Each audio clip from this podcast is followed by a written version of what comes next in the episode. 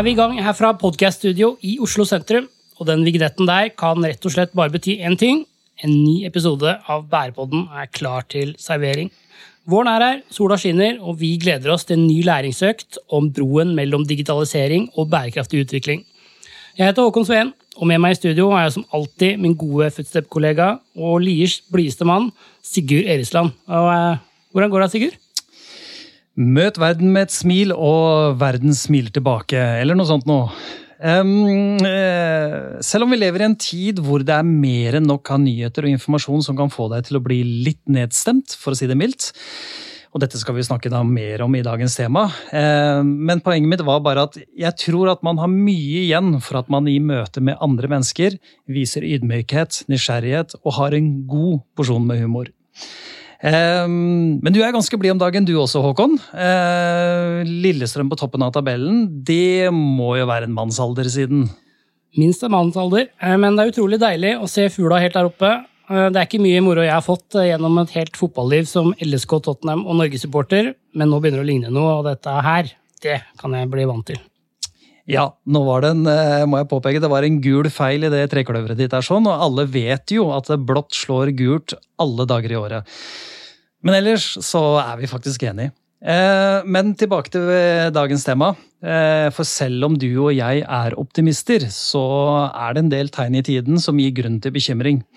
Vi har hatt en eh, rekordtørr vår her på Østlandet. Mars var den varmeste marsmåneden noensinne. Og det er rekordlite vann i vannmagasinet. Og med lite snø i fjellene så er det også lite håp om snarlig bedring. Én ting er at vi skikjørere her på Østlandet har hatt en miserabel sesong, og strømprisene går til været, men eh, hva får dette f.eks. å si for egen matproduksjon? Ja, så kan vi jo legge til at det er rekordvarme i India, noe som truer landets hveteproduksjon. Og India er faktisk verdens nest største hveteprodusent. Når vi tenker da at Russland og Ukraina er henholdsvis nummer tre og sju, så kan vi faktisk snart oppleve globale utfordringer knyttet til matforsyning og sikkerhet. Og vi kunne også nevnt mange andre tilfeller av ekstremvær som skaper bekymring og utfordringer. Og utfordringer, det er eh, kanskje et understatement her. For eh, ja, ja, vi lever i en global verden, og det vi gjør, det påvirker hva som skjer på andre siden av kloden, og vice versa.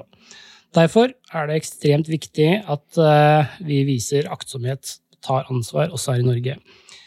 Noen vil jo hevde at ekstremvær bare er naturlige variasjoner som alltid har forekommet opp gjennom historien, men når vi ser nærmere på statistikk og forskningsrapporter, så ser vi at trenden er akselererende, og at det først og fremst er menneskelig aktivitet som står bak. Det er det, Håkon. Eh, og jeg visste ikke at du kunne så mye om hveteproduksjon. Eh, men du er kanskje like glad i pasta og pizza som meg? Jeg Elsker pasta og pizza. Ja. Ante meg.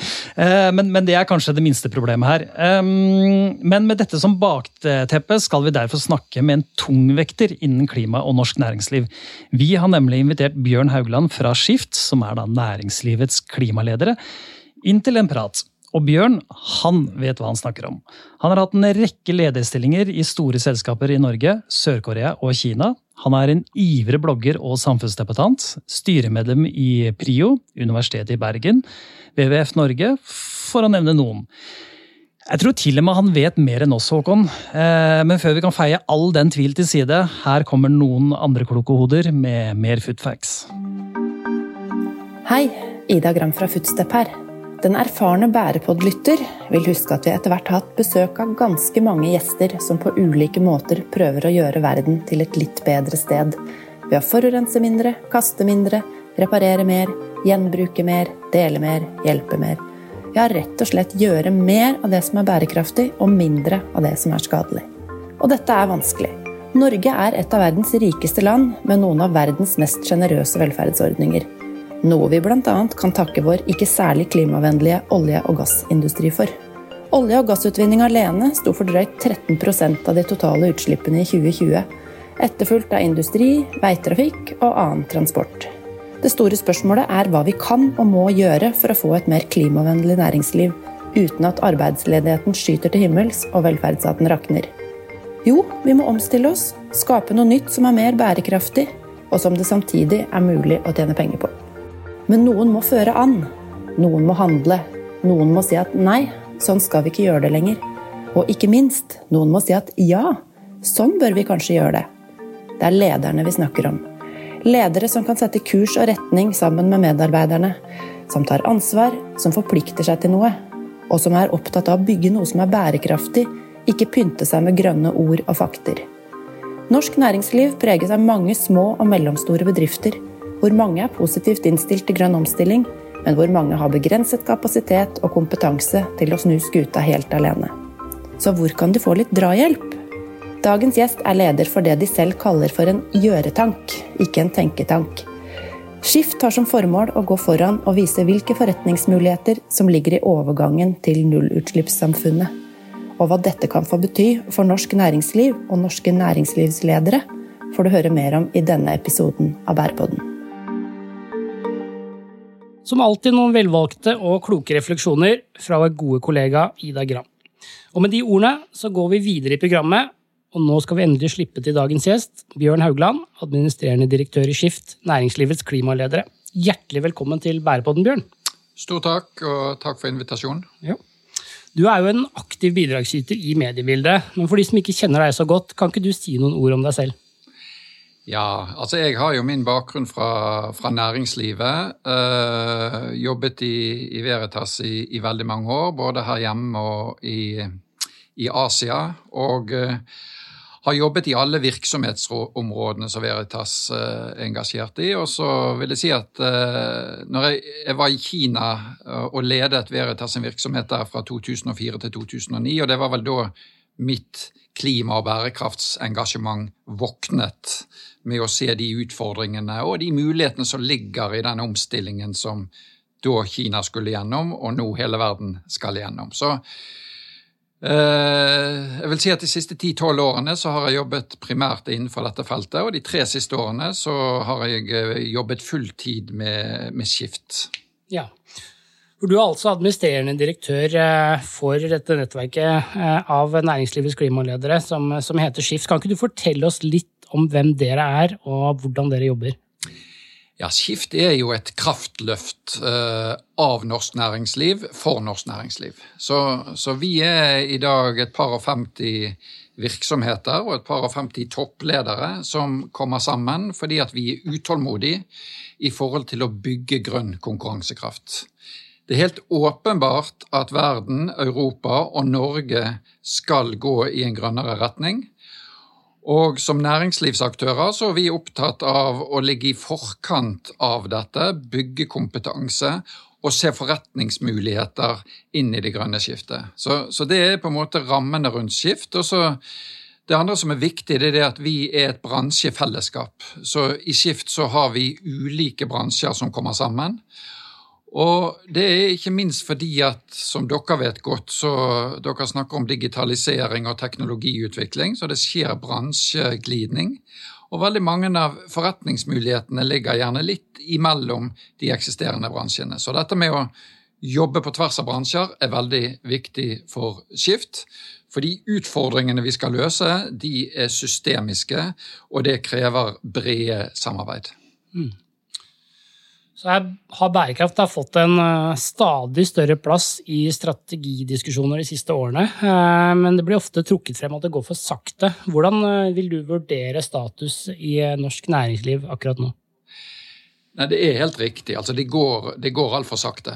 Og, og, en kan også bli litt forvirret i, i norsk næringsliv. For veldig mange sier jo de riktige tingene og pynter seg med de riktige symbolene og sørger for at årsrapporten ser lekker og fin ut. Eh, men jeg vil si at det er et skille, altså Jeg jobber med de som er pådrivere. Eh, men det er enda et stort felt av eh, det jeg vil kanskje kalle litt forsinkere. Altså, og med det mener jeg at de sier de rette tingene, men de gjør altfor lite. Og det er derfor at Skift er en gjøretank, så vi er opptatt av å drive utviklingen fremover. Og så um, kan du si i et sånt tiårsperspektiv så har det skjedd veldig mye. Uh, og hovedgrepet er jo det at denne bærekrafts- og klimadiskusjonen har flyttet seg oppover i organisasjonen. Og i dag vil jeg si at den foregår i styrerommene, han foregår i toppledelsen. Så alt ligger til rette for at vi kan få en høyere fart på omstillingen fremover. Ja, det, det, er jo noe vi ser og opplever også når, med de menneskene vi snakker med og det, våre, altså det vi erfarer. Um, og, og, det er en, en, uh, Ja, det har kommet på agendaen. Det er uh, Omstillingen skjer raskere. Men um, det å samle kreftene slik dere gjør gjennom dette nettverket, um, har jo bare vist seg å være enda viktigere. Altså 28.2 lanserte jo FNs klimapanel sin sjette hovedrapport. Og den tegner jo da et ganske dystert bilde av hva som venter oss hvis ikke vi gjør store, store grep nå. Um, kan ikke du fortelle litt mer om hva denne klimarapporten egentlig skisserer? Ja, altså Egentlig så, så, sier ikke den rapporten noe som er veldig annerledes enn det som eh, mange andre rapporter før han har sagt. Så, så i, i, denne klimakrisen, for å bruke et sånt begrep på det, så, så er jo dette en varslet krise. Og, og, I innledningen så reflekterte dere litt over de endringene vi, vi ser her hjemme med, med tørke og ekstremvær. Og, og, forskerne sier at det er nettopp det vi vil se fremover. Sånn at vi vil, alt det vi ser nå, vil vi se mer av, av, av fremover. Og uh, hele, hele, årsaksforholdet ligger jo i at uh, vi slipper ut eh, CO2 og klimagasser, som, som da skaper en oppvarming som har effekter på økosystemet, på naturen og, og, og, alt rundt oss. Og det er klart at vi som bor i Norge for det at Vi snakker jo ofte om sånn 1,5 graders oppvarming må vi unngå, 2 graders oppvarming. Men det er klart, her nord vi, vi vil jo varmes opp fortere. I Svalbard er det allerede 4 graders oppvarming. Finnmark har allerede passert 1,5 graders oppvarming. Så, så vi vil se effekten av klimaendringene raskere enn veldig mange andre steder på, verden, i, i, i verden. Så så, um, så, dette, eh, så den FN-rapporten sier, det, det, er det som vil skje. Eh, men, men, som sagt, fremdeles er det sånn at forskerne ikke vet godt nok mm. om hvordan ting vil, vil utspille seg. Mm. Men de vet veldig godt at det vil bli mer bl.a. ekstremvær fremover. Mm. Og så sier den vel også noe om at eh, Altså, vi har bare noen få år på å prøve å stoppe eh, de største endringene. Ja, og mest sannsynlig så har vi nok liksom passert egentlig den, eh, den eh, mm. liksom thresholden allerede. Vi vil komme til å få, få, endringer. Dette er jo store systemer som er, er i, i, i, bevegelse. Så, så derfor er jo det å jobbe med klimatilpasning, altså allerede nå begynne å på en måte forberede land bedrifter, eh, leverandørkjeder, for effekten av klimaendringer. Det, det, er noe som vi i Skift også setter på agendaen, for det kommer til å utspille seg over de neste årene og tiårene. Mm. Eh, rapporten kom jo da bare fire dager etter Russlands invasjon av Ukraina, og fikk da, i hvert fall her hjemme, mindre oppmerksomhet enn hva den strengt tatt burde. Um, hvordan jobber dere i Skift for å prøve å skape mer oppmerksomhet rundt rapporten? Og nå har jo du for så vidt også sagt da, at, den egentlig ikke inneholder mer enn det vi allerede vet. Uh, men uh, uh, som jeg var også litt inne på, så den sier noe om hvor dårlig tid vi har da, på, på kanskje ja, så, så, du kan si vi i Skift vi er egentlig ikke så opptatt av å, å, å krisemaksimere disse rapportene. For det, mm. det er et narrativ som ligger der, det har lagt der for så vidt lenge, og, og det er bakteppet for det vi driver med. Og det er et bakteppe som vil etterspørre næringslivsaktører uh, som kan eh, tilby de nye løsningene. Og de mm. nye løsningene de de vet vi hvordan ser ut. De skal være nullutslipp. Eh, de skal ha lite inngrep på, på natur. De skal tilrettelegge for eh, sosial rettferdighet. Altså Alt det som ligger i, bærekraftsmålene, det er på en måte kravspekken på de nye løsningene. Så i Skift, så, som sagt, vi er en gjøretank, så, så vi har liksom bare full fokus vi på å se hva er på en måte mulighetene som næringslivet har til å understøtte en raskere omstilling. Mm. Uh, Og det gjør vi med å samarbeide med hverandre, inspirere hverandre, pushe hverandre. Og så gjør vi det med å ha eh, dialog med politiske myndigheter, eh, der, der, vår dialog på en måte igjen ikke handler om å problematisere rapportene som kommer. For, for politikerne kan også lese, så, så, det er på en måte kjent. Men heller komme med tiltak, virkemidler, regulering, som, som på en måte vi mener Eh, eh, tilrettelegger for rask omstilling. Og Da er det også viktig at i Skift så representerer vi en næringslivsstemme på tvers av sektorer. For, for det foregår jo veldig mye bra i bransjesektorene, men, men, likevel vil de alltid bare representere en bransje. Så det er liksom å forenes på tvers av, av sektorer er, er veldig viktig. Ja, Spennende. Men uh, hva tenker du om kan vi si, uh, norsk næringslivs evne og vilje til å komme med gode løsninger uh, her? Nei, der mener jeg er absolutt til stede. Så, så, så, det foregår veldig mye bra arbeid rundt om i hele landet. På, på, på, gode løsninger. Jeg vil også si i utgangspunktet at vi har et, et godt virkemiddelapparat i Norge som tilrettelegger for kan du si, å stimulere til eh, liksom risikoavlastning på utvikling av gode løsninger. Mm. -hmm. så i utgangspunktet er jeg positiv på, på, på den fronten. Eh, men, men, poenget er jo at dette er jo ikke statisk, det er dynamisk. Og, og, det vil si at det foregår også veldig mye, og til en viss grad enda mer, i landene rundt oss.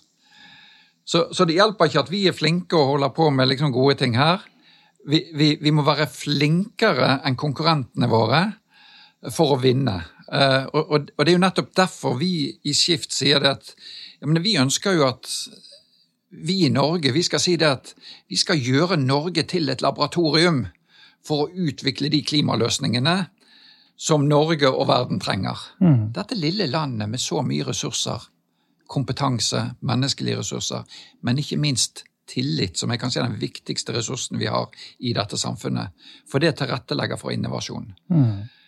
Så, sånn at vi, vi ønsker liksom å, å, å, løfte perspektivet litt og sette en retning for Norge eh, som er bra for Norge og norsk velferd, men, men, men, der vi også ser at vi skal ha ringer i vannet.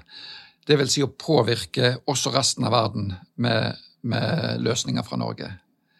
Sånn at resten av verden sier det som Roosevelt sa i 43, husker du hva det var? Uh, Nå, uh, Sigurd, du Hæ? det var omtrent da du var født, var ikke det, Håkon? da sa han 'Look to Norway'. For måten Norge sto opp mot mm. nazistene og demokratiet og kjempet imot det. Mm. Look to Norway. Og det er jo det vi ønsker at verden skal tenke på når de ser på Norge, da. Ja, og du ser det kanskje på Norge liksom eh, Det er det der oljeproduserende landet oppe i nord som har blitt ganske rike. Ja. ja. Så ja, look to Norway. Ja.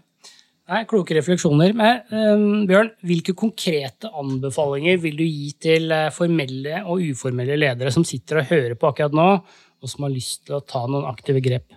Ja, og, og, og bare for å si det jeg, et, Jeg tror det er veldig mange som på en måte ønsker å gjøre ting, og så er de kanskje litt usikre på akkurat det. Hva, hva skal vi gjøre? Mm.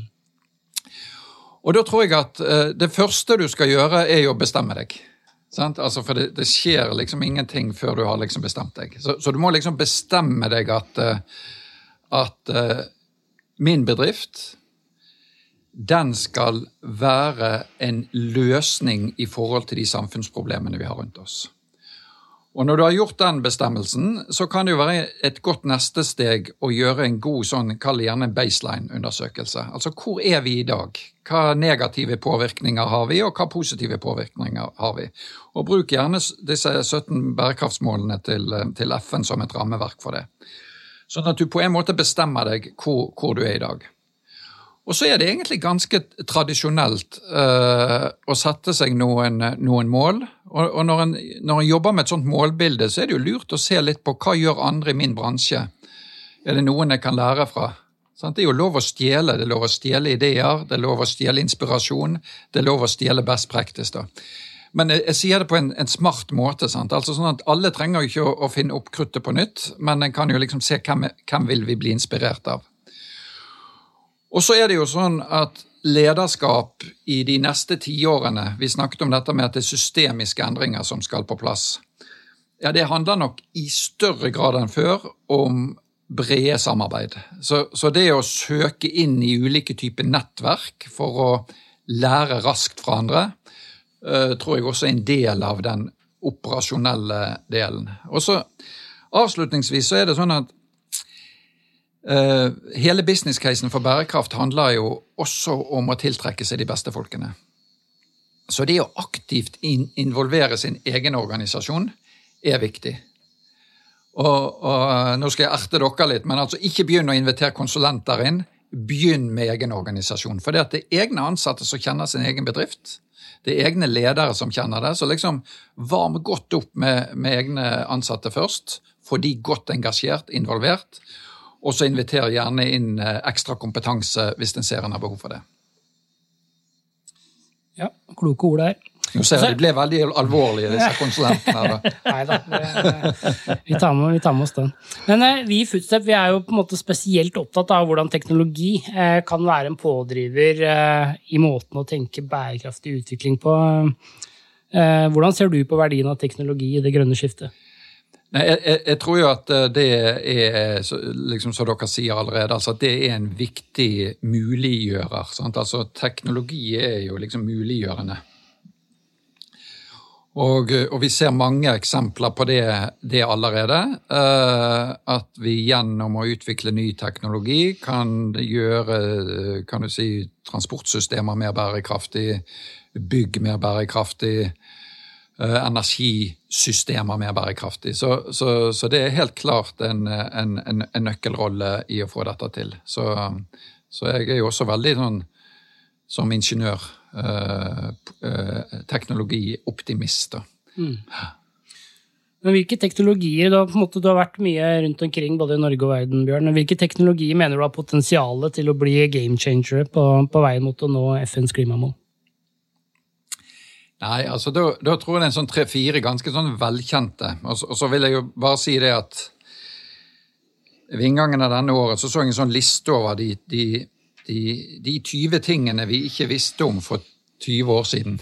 Mm. Og der sto sant, både Netflix og Facebook og whatever mm. på den listen. Så, så, vi skal ha litt sånn respekt for at vi ikke vet alt som skjer fremover. Mm. Men jeg vil si at når det gjelder solenergi, så er det for så vidt en kjent teknologi, men jeg tror vi kommer til å bli overrasket fremover uh, hvordan den kommer til å være med å transformere verden. Sol kommer til å bli mye mer integrert i infrastruktur. Uh, I veiene våre, i alt som er bygd. Uh, det er billig. Det er, det er, på en måte effektivt å, å montere opp. Så, så, jeg tror at sol har fremdeles et stort transformativt eh, potensial eh, i seg. Og det er viktig, fordi at energisystemet er en stor del av utfordringen i forhold til CO2, og det må avkarboniseres. Og da tror jeg sol blir viktig. Og så tror jeg her oppe som vi eh, hører til, så tror jeg at offshore vind sant? Husk at Norge lanserte den første flytende vindmøllen i verden i 2009. Da var han i operasjon. Og fremdeles i 2022 så driver vi og diskuterer om vi skal gjøre noe med flytende offshorevind. Så der må vi gjøre sånn som vi sier i Bergen, der må vi nå få reven i gir og, og komme i gang. Det er en stor mulighet uh, for Norge. Og igjen vil ha en rolle i å gjøre at Norge fortsetter å være en energistormakt og er med å bidra til å, å avkarbonisere Europa. Mm. I tillegg så har vi jo den X-faktoren som du er inne på, som vi ikke vet om i dag, men som eh, kan eh, slå til for fullt eh, om noen år. Det er vanskelig å si i dag. Mm, absolutt. Eh, og så hører jeg det du sier, at ja, du er jo ingeniør selv. og, og eh, For å bygge disse løsningene, så, så, ha, så, vi har fortsatt behov for mange ingeniørhoder da, i, i fremtiden. Og kanskje ikke alle skal jobbe i oljeenergien. Ja, det, det, er jo liksom sånn, sånn åpenbart. Verden ja. skal jo av olje. Ja. Så, sånn at det er noe vi skal ha mindre og mindre av. Uh, så lite som mulig, egentlig. Fordi at det, det medfører store uh, klimautfordringer. Så, men, men, jeg er ikke det minste redd for Norge så lenge vi, uh, vi fokuserer på et godt skolesystem, gode utdanningsmuligheter Eh, så har vi så mange ressurser så vi skal klare den, den, den omstillingen. Men, men, men, jeg vil også si at et annet perspektiv som liksom kommer opp nå som er, er viktig, det er jo natur. For vår generasjon vi har jo levd som om naturen er uendelig. Sant? Vi har bygget veier og hytter og hus og, og holdt på og tatt for oss. da. Og så begynner vi nå å forstå at ja, men når vi først har tatt vekk natur, så kommer jo ikke den sånn automatisk tilbake. Ja. Så, så, dette perspektivet rundt natur, eh, det kommer til å bli mye, mye sterkere fremover. Og så, så der kreves det også veldig mye fagkompetanse. Mm. Absolutt. Og ja, det er vår generasjon også. ikke sant? Vi, vi, vi har nå, som du sier, vært litt bortskjemte på sant, de mulighetene som at, at, vi tar litt av den naturen der og litt der og litt der, og plutselig så er den borte, rett og slett. Ja. Mm. Du snakker også om dette ja, Det som er et narrativ, da, at, at, vi, liksom, det er en omforent forståelse om utfordringene som ligger i eh, disse klimaendringene, og at vi er på vei til eh, å gjøre det grønne skiftet.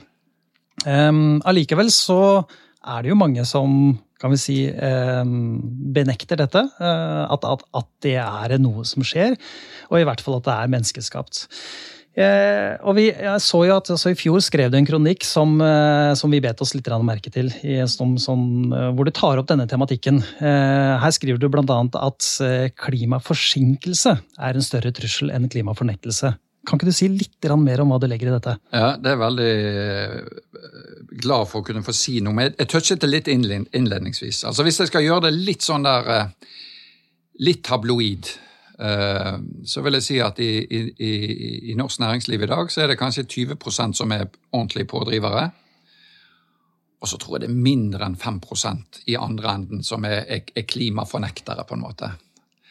Det, det er jo en, en, gruppe som blir mindre og mindre. Men det er fremdeles en veldig stor gruppe i midten der som, eh, som i hvert fall jeg er litt usikre på. For det er ikke det at ikke de som sagt, de har fine årsrapporter, de står på konferanser og sier alt det riktige. Men jeg tror at de er i bunn og grunn mer forsinkere enn pådrivere. De er for glad i business as usual. De ser gjerne ut som meg, men 50 pluss. De vet de har liksom eh, De har en, en, en, en fem, seks, syv år igjen, og ja de, de, er ganske fornøyd, og de, de, de, er egentlig Toppledere i Norge er jo lært opp til å ikke ta risiko. De er ikke lært opp til å ta risiko. Du blir aldri belønnet for feil. Eh, det vet dere som også jobber inn mot offentlig sektor. Så, så, hvorfor rock the boat? Hvis ting går ganske bra, eh, hvis eh, vi kan gi sikre prognoser til styret vårt, levere hele tiden litt bedre sant? Eh, litt, litt bedre enn budsjett. Alle de som gjør det, de blir klappet på ryggen og løftet litt videre. Men vi, det er jo en dramatisk omstilling vi skal gjennom. Eh, hvis vi ser på, på klimagassutslippene til Norge, så har de vært stabile fra 1990 frem til i dag. 50 millioner tonn per år. Og så skal vi til 2030 ned til 23 millioner tonn. Altså 55% reduksjoner. Og Hvis du tenker deg den linjen som har vært flat i 30 år, den skal altså brått ned. Og da må du jo ha et annet lederskap. Mm. Så, så, og det er jo på en måte kjerneskift. Sant? Altså Vi prøver å samle flere og flere av de som er pådrivere. De som ikke nødvendigvis har de har ikke alle svarene, men de vet at vi må gjøre noe radikalt annerledes fremover. Og de ønsker å samarbeide med andre som er mm. på det narrativet. Ehm, så som sagt, det var bakgrunnen for denne kronikken her, der jeg sier at jeg tror ikke det er klimafornekterne lenger som er det største problemet. For de er på en måte lett å identifisere. Men klimaforsinkerne de er et stort problem. Mm. For de kan tilsynelatende se ut som pådrivere, men i praksis så tror jeg det er mer eh, business as usual. Men hvordan skal vi eh, tilnærme oss den gruppen? Må vi skape en sånn sense of emergency, eller er det en sånn eh... Ja, altså den gruppen er jo på en måte veldig fin, jeg. fordi at de, så, Sånn som jeg opplever de, sant? de er godt opplest. Det handler jo ikke noe om at en ikke forstår tingene ganske godt. Uh, så, så, jeg prøver jo veldig aktivt å tilnærme meg den gruppen med å, å, å, å på en måte tilføre litt nye perspektiver. Uh, la de få møte litt andre typer mennesker som på en måte tenker litt mer radikalt, kanskje. Uh, men, men, du er tilbake til at det er jo heller det er jo, liksom, det er jo ingen som sitter og vet nøyaktig hva selskap ABCD burde gjøre. Og, og, det er heller ikke sånn at det er noen som kommer og løpende med penger til deg hvis du mis, mislykkes på noe. Og det handler om arbeidsplasser og alt dette. Så, så jeg sier oppgaven er ikke liksom sånn enkel, uh, men det er nettopp derfor at, at det er litt greit å kunne samles i litt større nettverk. Lære litt fra andre. Og det er jo ikke bare å lære hva som går bra. Den største læringen handler jo kanskje om ting som ikke har gått så bra. Ja, så forstå det. Så, så, så, jeg har både stor ydmykhet og, og, og, veldig stor respekt for det som jeg der skriver som klimaforsinkere. Eh, og jeg har åpne armer til å, å, være med og trekke de inn i et, et nettverk av, av mer det som jeg snakker om som pådrivere. Dette må jo du ta med deg litt videre, Håkon, som jobber innenfor kommunikasjon og markedsføringsfeltet. Det er jo kjempeinteressant. Absolutt. absolutt. Mm. Um, du er jo en aktiv skribent. Uh, du skriver jo i Huffington Post, blant annet. Uh, og vi vet også at du har tilbrakt flere år i Asia, ja, noe du også for så vidt har snakket om. Uh, men når du formidler budskapene dine knyttet til bærekraftig utvikling, hvordan blir det tatt imot andre steder i verden? Uh, ja, det, det, er egentlig ganske sånn uh, morsom historie knyttet til det. For det er klart at, at, det er utrolig viktig å forstå at uh, Å ha ydmykhet i, i, at bærekraft er noe annet i Brasil, Nigeria, Kina eller Norge. Sånn at det, det, Her er det ikke sånn one size fit, fit all. Uh, og når jeg var i og ledet Veritas i Kina, da fikk Veritas en, en, en visjon som var uh, Global Impact for a Safe and Sustainable Future. Så, så jeg sa til kineserne så sa jeg, ja, men uh, her har vi fått en kjempefin visjon. Og så sier de ja, men sustainability det er et sånt amerikansk ord. da. Ingen kinesere som har noe forhold til sustainability. Så, så lang historie kort, så, så, så, vi engasjerte alle de ansatte til å finne en kinesisk frase, altså en, en, noe som de kjente seg igjen i. Uh, og, og, det de liksom tok fatt i, det var jo dette med et harmonisk samfunn. En, en mm. harmonic society. Det er noe som de når, når, du sier det, så har de tanker for hva det er. Sant? Du skal være i harmoni med hverandre, harmoni med natur og, og alt sammen. Så, så poenget er at, at, eh, det er viktig, spesielt vi som representerer Vesten, som har en viss tendens til å peke på de andre og fortelle dem hva de skal gjøre, og tre et narrativ over uh, de andre, og heller på en måte uh, ha ganske mye ydmykhet, sånn at alle kan på en måte med noen overordnede rammeverk som, som retningsgivende, f.eks. FN sine 17 bærekraftsmål, men på en måte kan forholde seg til det litt i sin kultur, i sin, sin kontekst, i sitt språk. Så, så, så, det er, og Derfor er jo FN og disse store globale prosessene viktig, fordi at eh, det er på en måte For verden å gå over i en bærekraftig mode, så, så er det andre land enn Norge kanskje som eh, er viktigst å, mm. å, å få en penetrasjon på. Men Opplever du at eh, i disse andre landene i verden altså, altså er det det samme narrativet da, om, om eh, hvor vi står og, og eh, eh, viktigheten med å oppnå FNs eh, klimamål? Ja, det, det, vil jeg eh, altså Det er jo helt, selvsagt mye variasjoner rundt det. Men, mm. men og, og, prioriteten er jo helt annerledes. Det er klart Hvis du, hvis du mangler det som vi på en måte definerer litt som basic, og som tar for gitt, altså utdannelse, eh, et samfunn med, med et sosialt nettverk, med, med, helsetjeneste, altså denne type ting. Så det er klart at, at mangler du det, så er du kanskje ikke så opptatt av, av, av klima og mm. olje og gass, for å si det sånn. Som, ja. så, så, prioritetene seg litt. Men jeg vil si at det er mye mer som forener oss i forhold til et narrativ uh, som er bærekraftig, enn som skiller oss. Mm. Og da er det jo også veldig viktig at en sånn det som vi peker på med FNs 17 bærekraftsmål, det er jo en bedre verden. Det er en større verden. Det er en mer rettferdig verden. Noen ganger blir jo dette fremstilt som det er en kjipere verden. Men det er jo ikke det. Altså Det er faktisk en bedre, større og mer rettferdig verden. Så det å fremstille det som det er jo veldig viktig. For det, det er klart at det å hele tiden bygge håp, det å hele tiden bygge på det som forener oss, og ikke det som skiller oss, er helt avgjørende. Og, og da mener jeg Jeg har reist mye rundt i verden at, uh, at det, det, det, det, er veldig mye som, som, på en måte forener mennesker, mm. og som mennesker kan være enige om. Og, ja. Fins det andre tilsvarende nettverk som Skift, altså i andre steder i verden? Ja, det, det, finnes, uh, det, finnes, tilsvarende nettverk. Mm.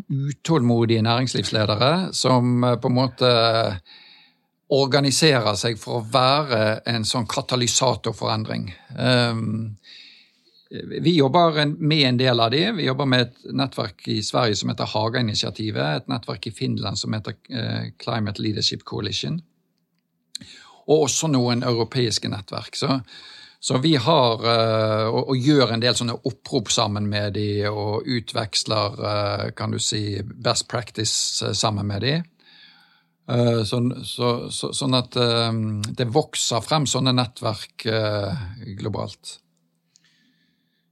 Så har dere jo i Skift også en egen eh, podkast som eh, toucher borti mange av de temaene som vi også tar opp her i Bærepodden. Den heter eh, Klimaoptimistene. Og vi heier jo på alle gode krefter som bidrar til å sette fokus på viktigheten av bærekraftig utvikling, så eh, her får du sjansen til å reklamere litt for den poden, Bjørn. Eh, ta, si, si, noen ord om klimaoptimistene. Ja, altså Klimaoptimistene tror jeg har så du sier, litt samme perspektiv som her. Altså Vi ønsker å løfte frem eh, kan du si, gode historier fra næringslivet. Så det er Jens Ultveitmo som er styreleder i Skift, og så er det Erik Solheim som er vertskap på, på podden. Uh, og de snakker med, med toppledere i norsk næringsliv, men også internasjonalt. Og, og, det internasjonale er viktig for oss, for det er jo liksom at vi ønsker jo også å bringe inn gode ideer uh, utenifra inn til Norge, og på lik linje som vi ønsker å spre gode ideer fra Norge og ut i verden. Men, men, men for oss er det nesten enda viktigere å lære fra, fra, fra stemmer uh, utenfor. Så derfor så kjører vi den, uh, den podkasten. Uh, vi har nå laget nettopp en liten sånn spesialvariant av den, eh, der vi jobber med, med, forskere for å løfte frem kan du si, forskningsresultater som foregår på norske universiteter i dag, som ikke er en del av samfunnsdebatten i dag, men som kan ha effekt sånn i et tiårsperspektiv. Ja. Så eh, den erfarne podkastlytter eller podkastnerden har da også kanskje fått med seg det at Erik Solheim har jo også gjestet Bærepodden i en tidligere episode. Ja, Vi skal begynne å gå inn for landing, men som alltid avslutter vi alle episoder av Bærepodden med å stille gjesten et spørsmål, der svaret forhåpentligvis kan eh, være litt oppløftende. Og her kommer det.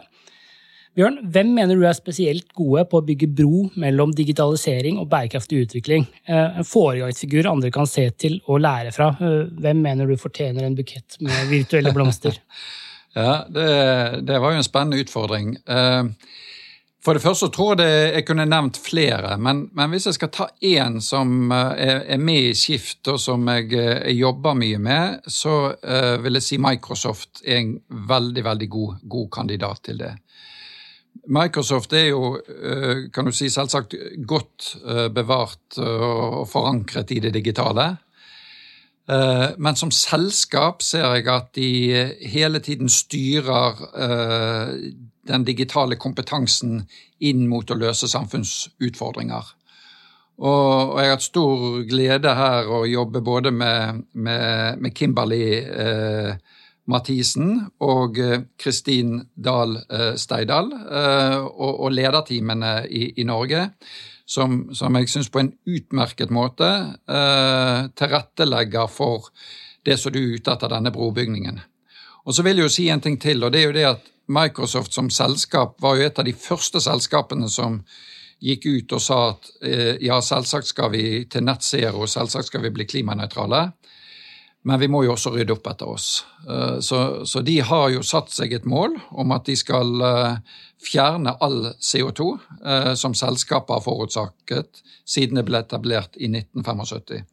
Og så vet de ikke hvordan de skal gjøre det, og derfor så har de sagt at vi skal likevel få det til men selvsagt da allokert midler, prosjekter og initiativer til å finne disse løsningene. Og, og, det er jo nettopp dette lederskapet vi er ute etter. Ledere som, som tør å sette seg litt store mål, uten å nødvendigvis være 100% sikker på at de også skal levere på det, men, men heller da engasjerer stakeholderne sine, de ansatte, kundene sine, leverandørene sine, til å finne løsninger. Så mine blomster i dag går til Microsoft.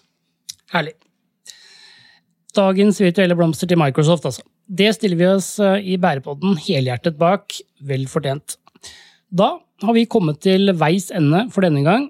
Vi har hørt Bjørn Haugland, administrerende direktør i Skift, næringslivets klimaledere, fortelle engasjert om alt fra hvordan dette nettverket jobber, til hva forskningen sier, og hva norsk næringsliv bør gjøre nå. Forhåpentligvis har du som lytter fått noen tips og råd på veien, slik at du og din bedrift kan ta gode og fremtidsrettede valg som gagner både deg selv, jobben din og planeten vår. Det har vært inspirerende og innsiktsfullt. Tusen hjertelig takk for at du ville være gjest her hos oss, Bjørn. Takk. Bærepodden er tilbake om ikke lenge med nye interessante gjester, høyaktuelle temaer og ufortalte historier. Tusen takk for at du hørte på, og ha en aldeles nydelig dag videre.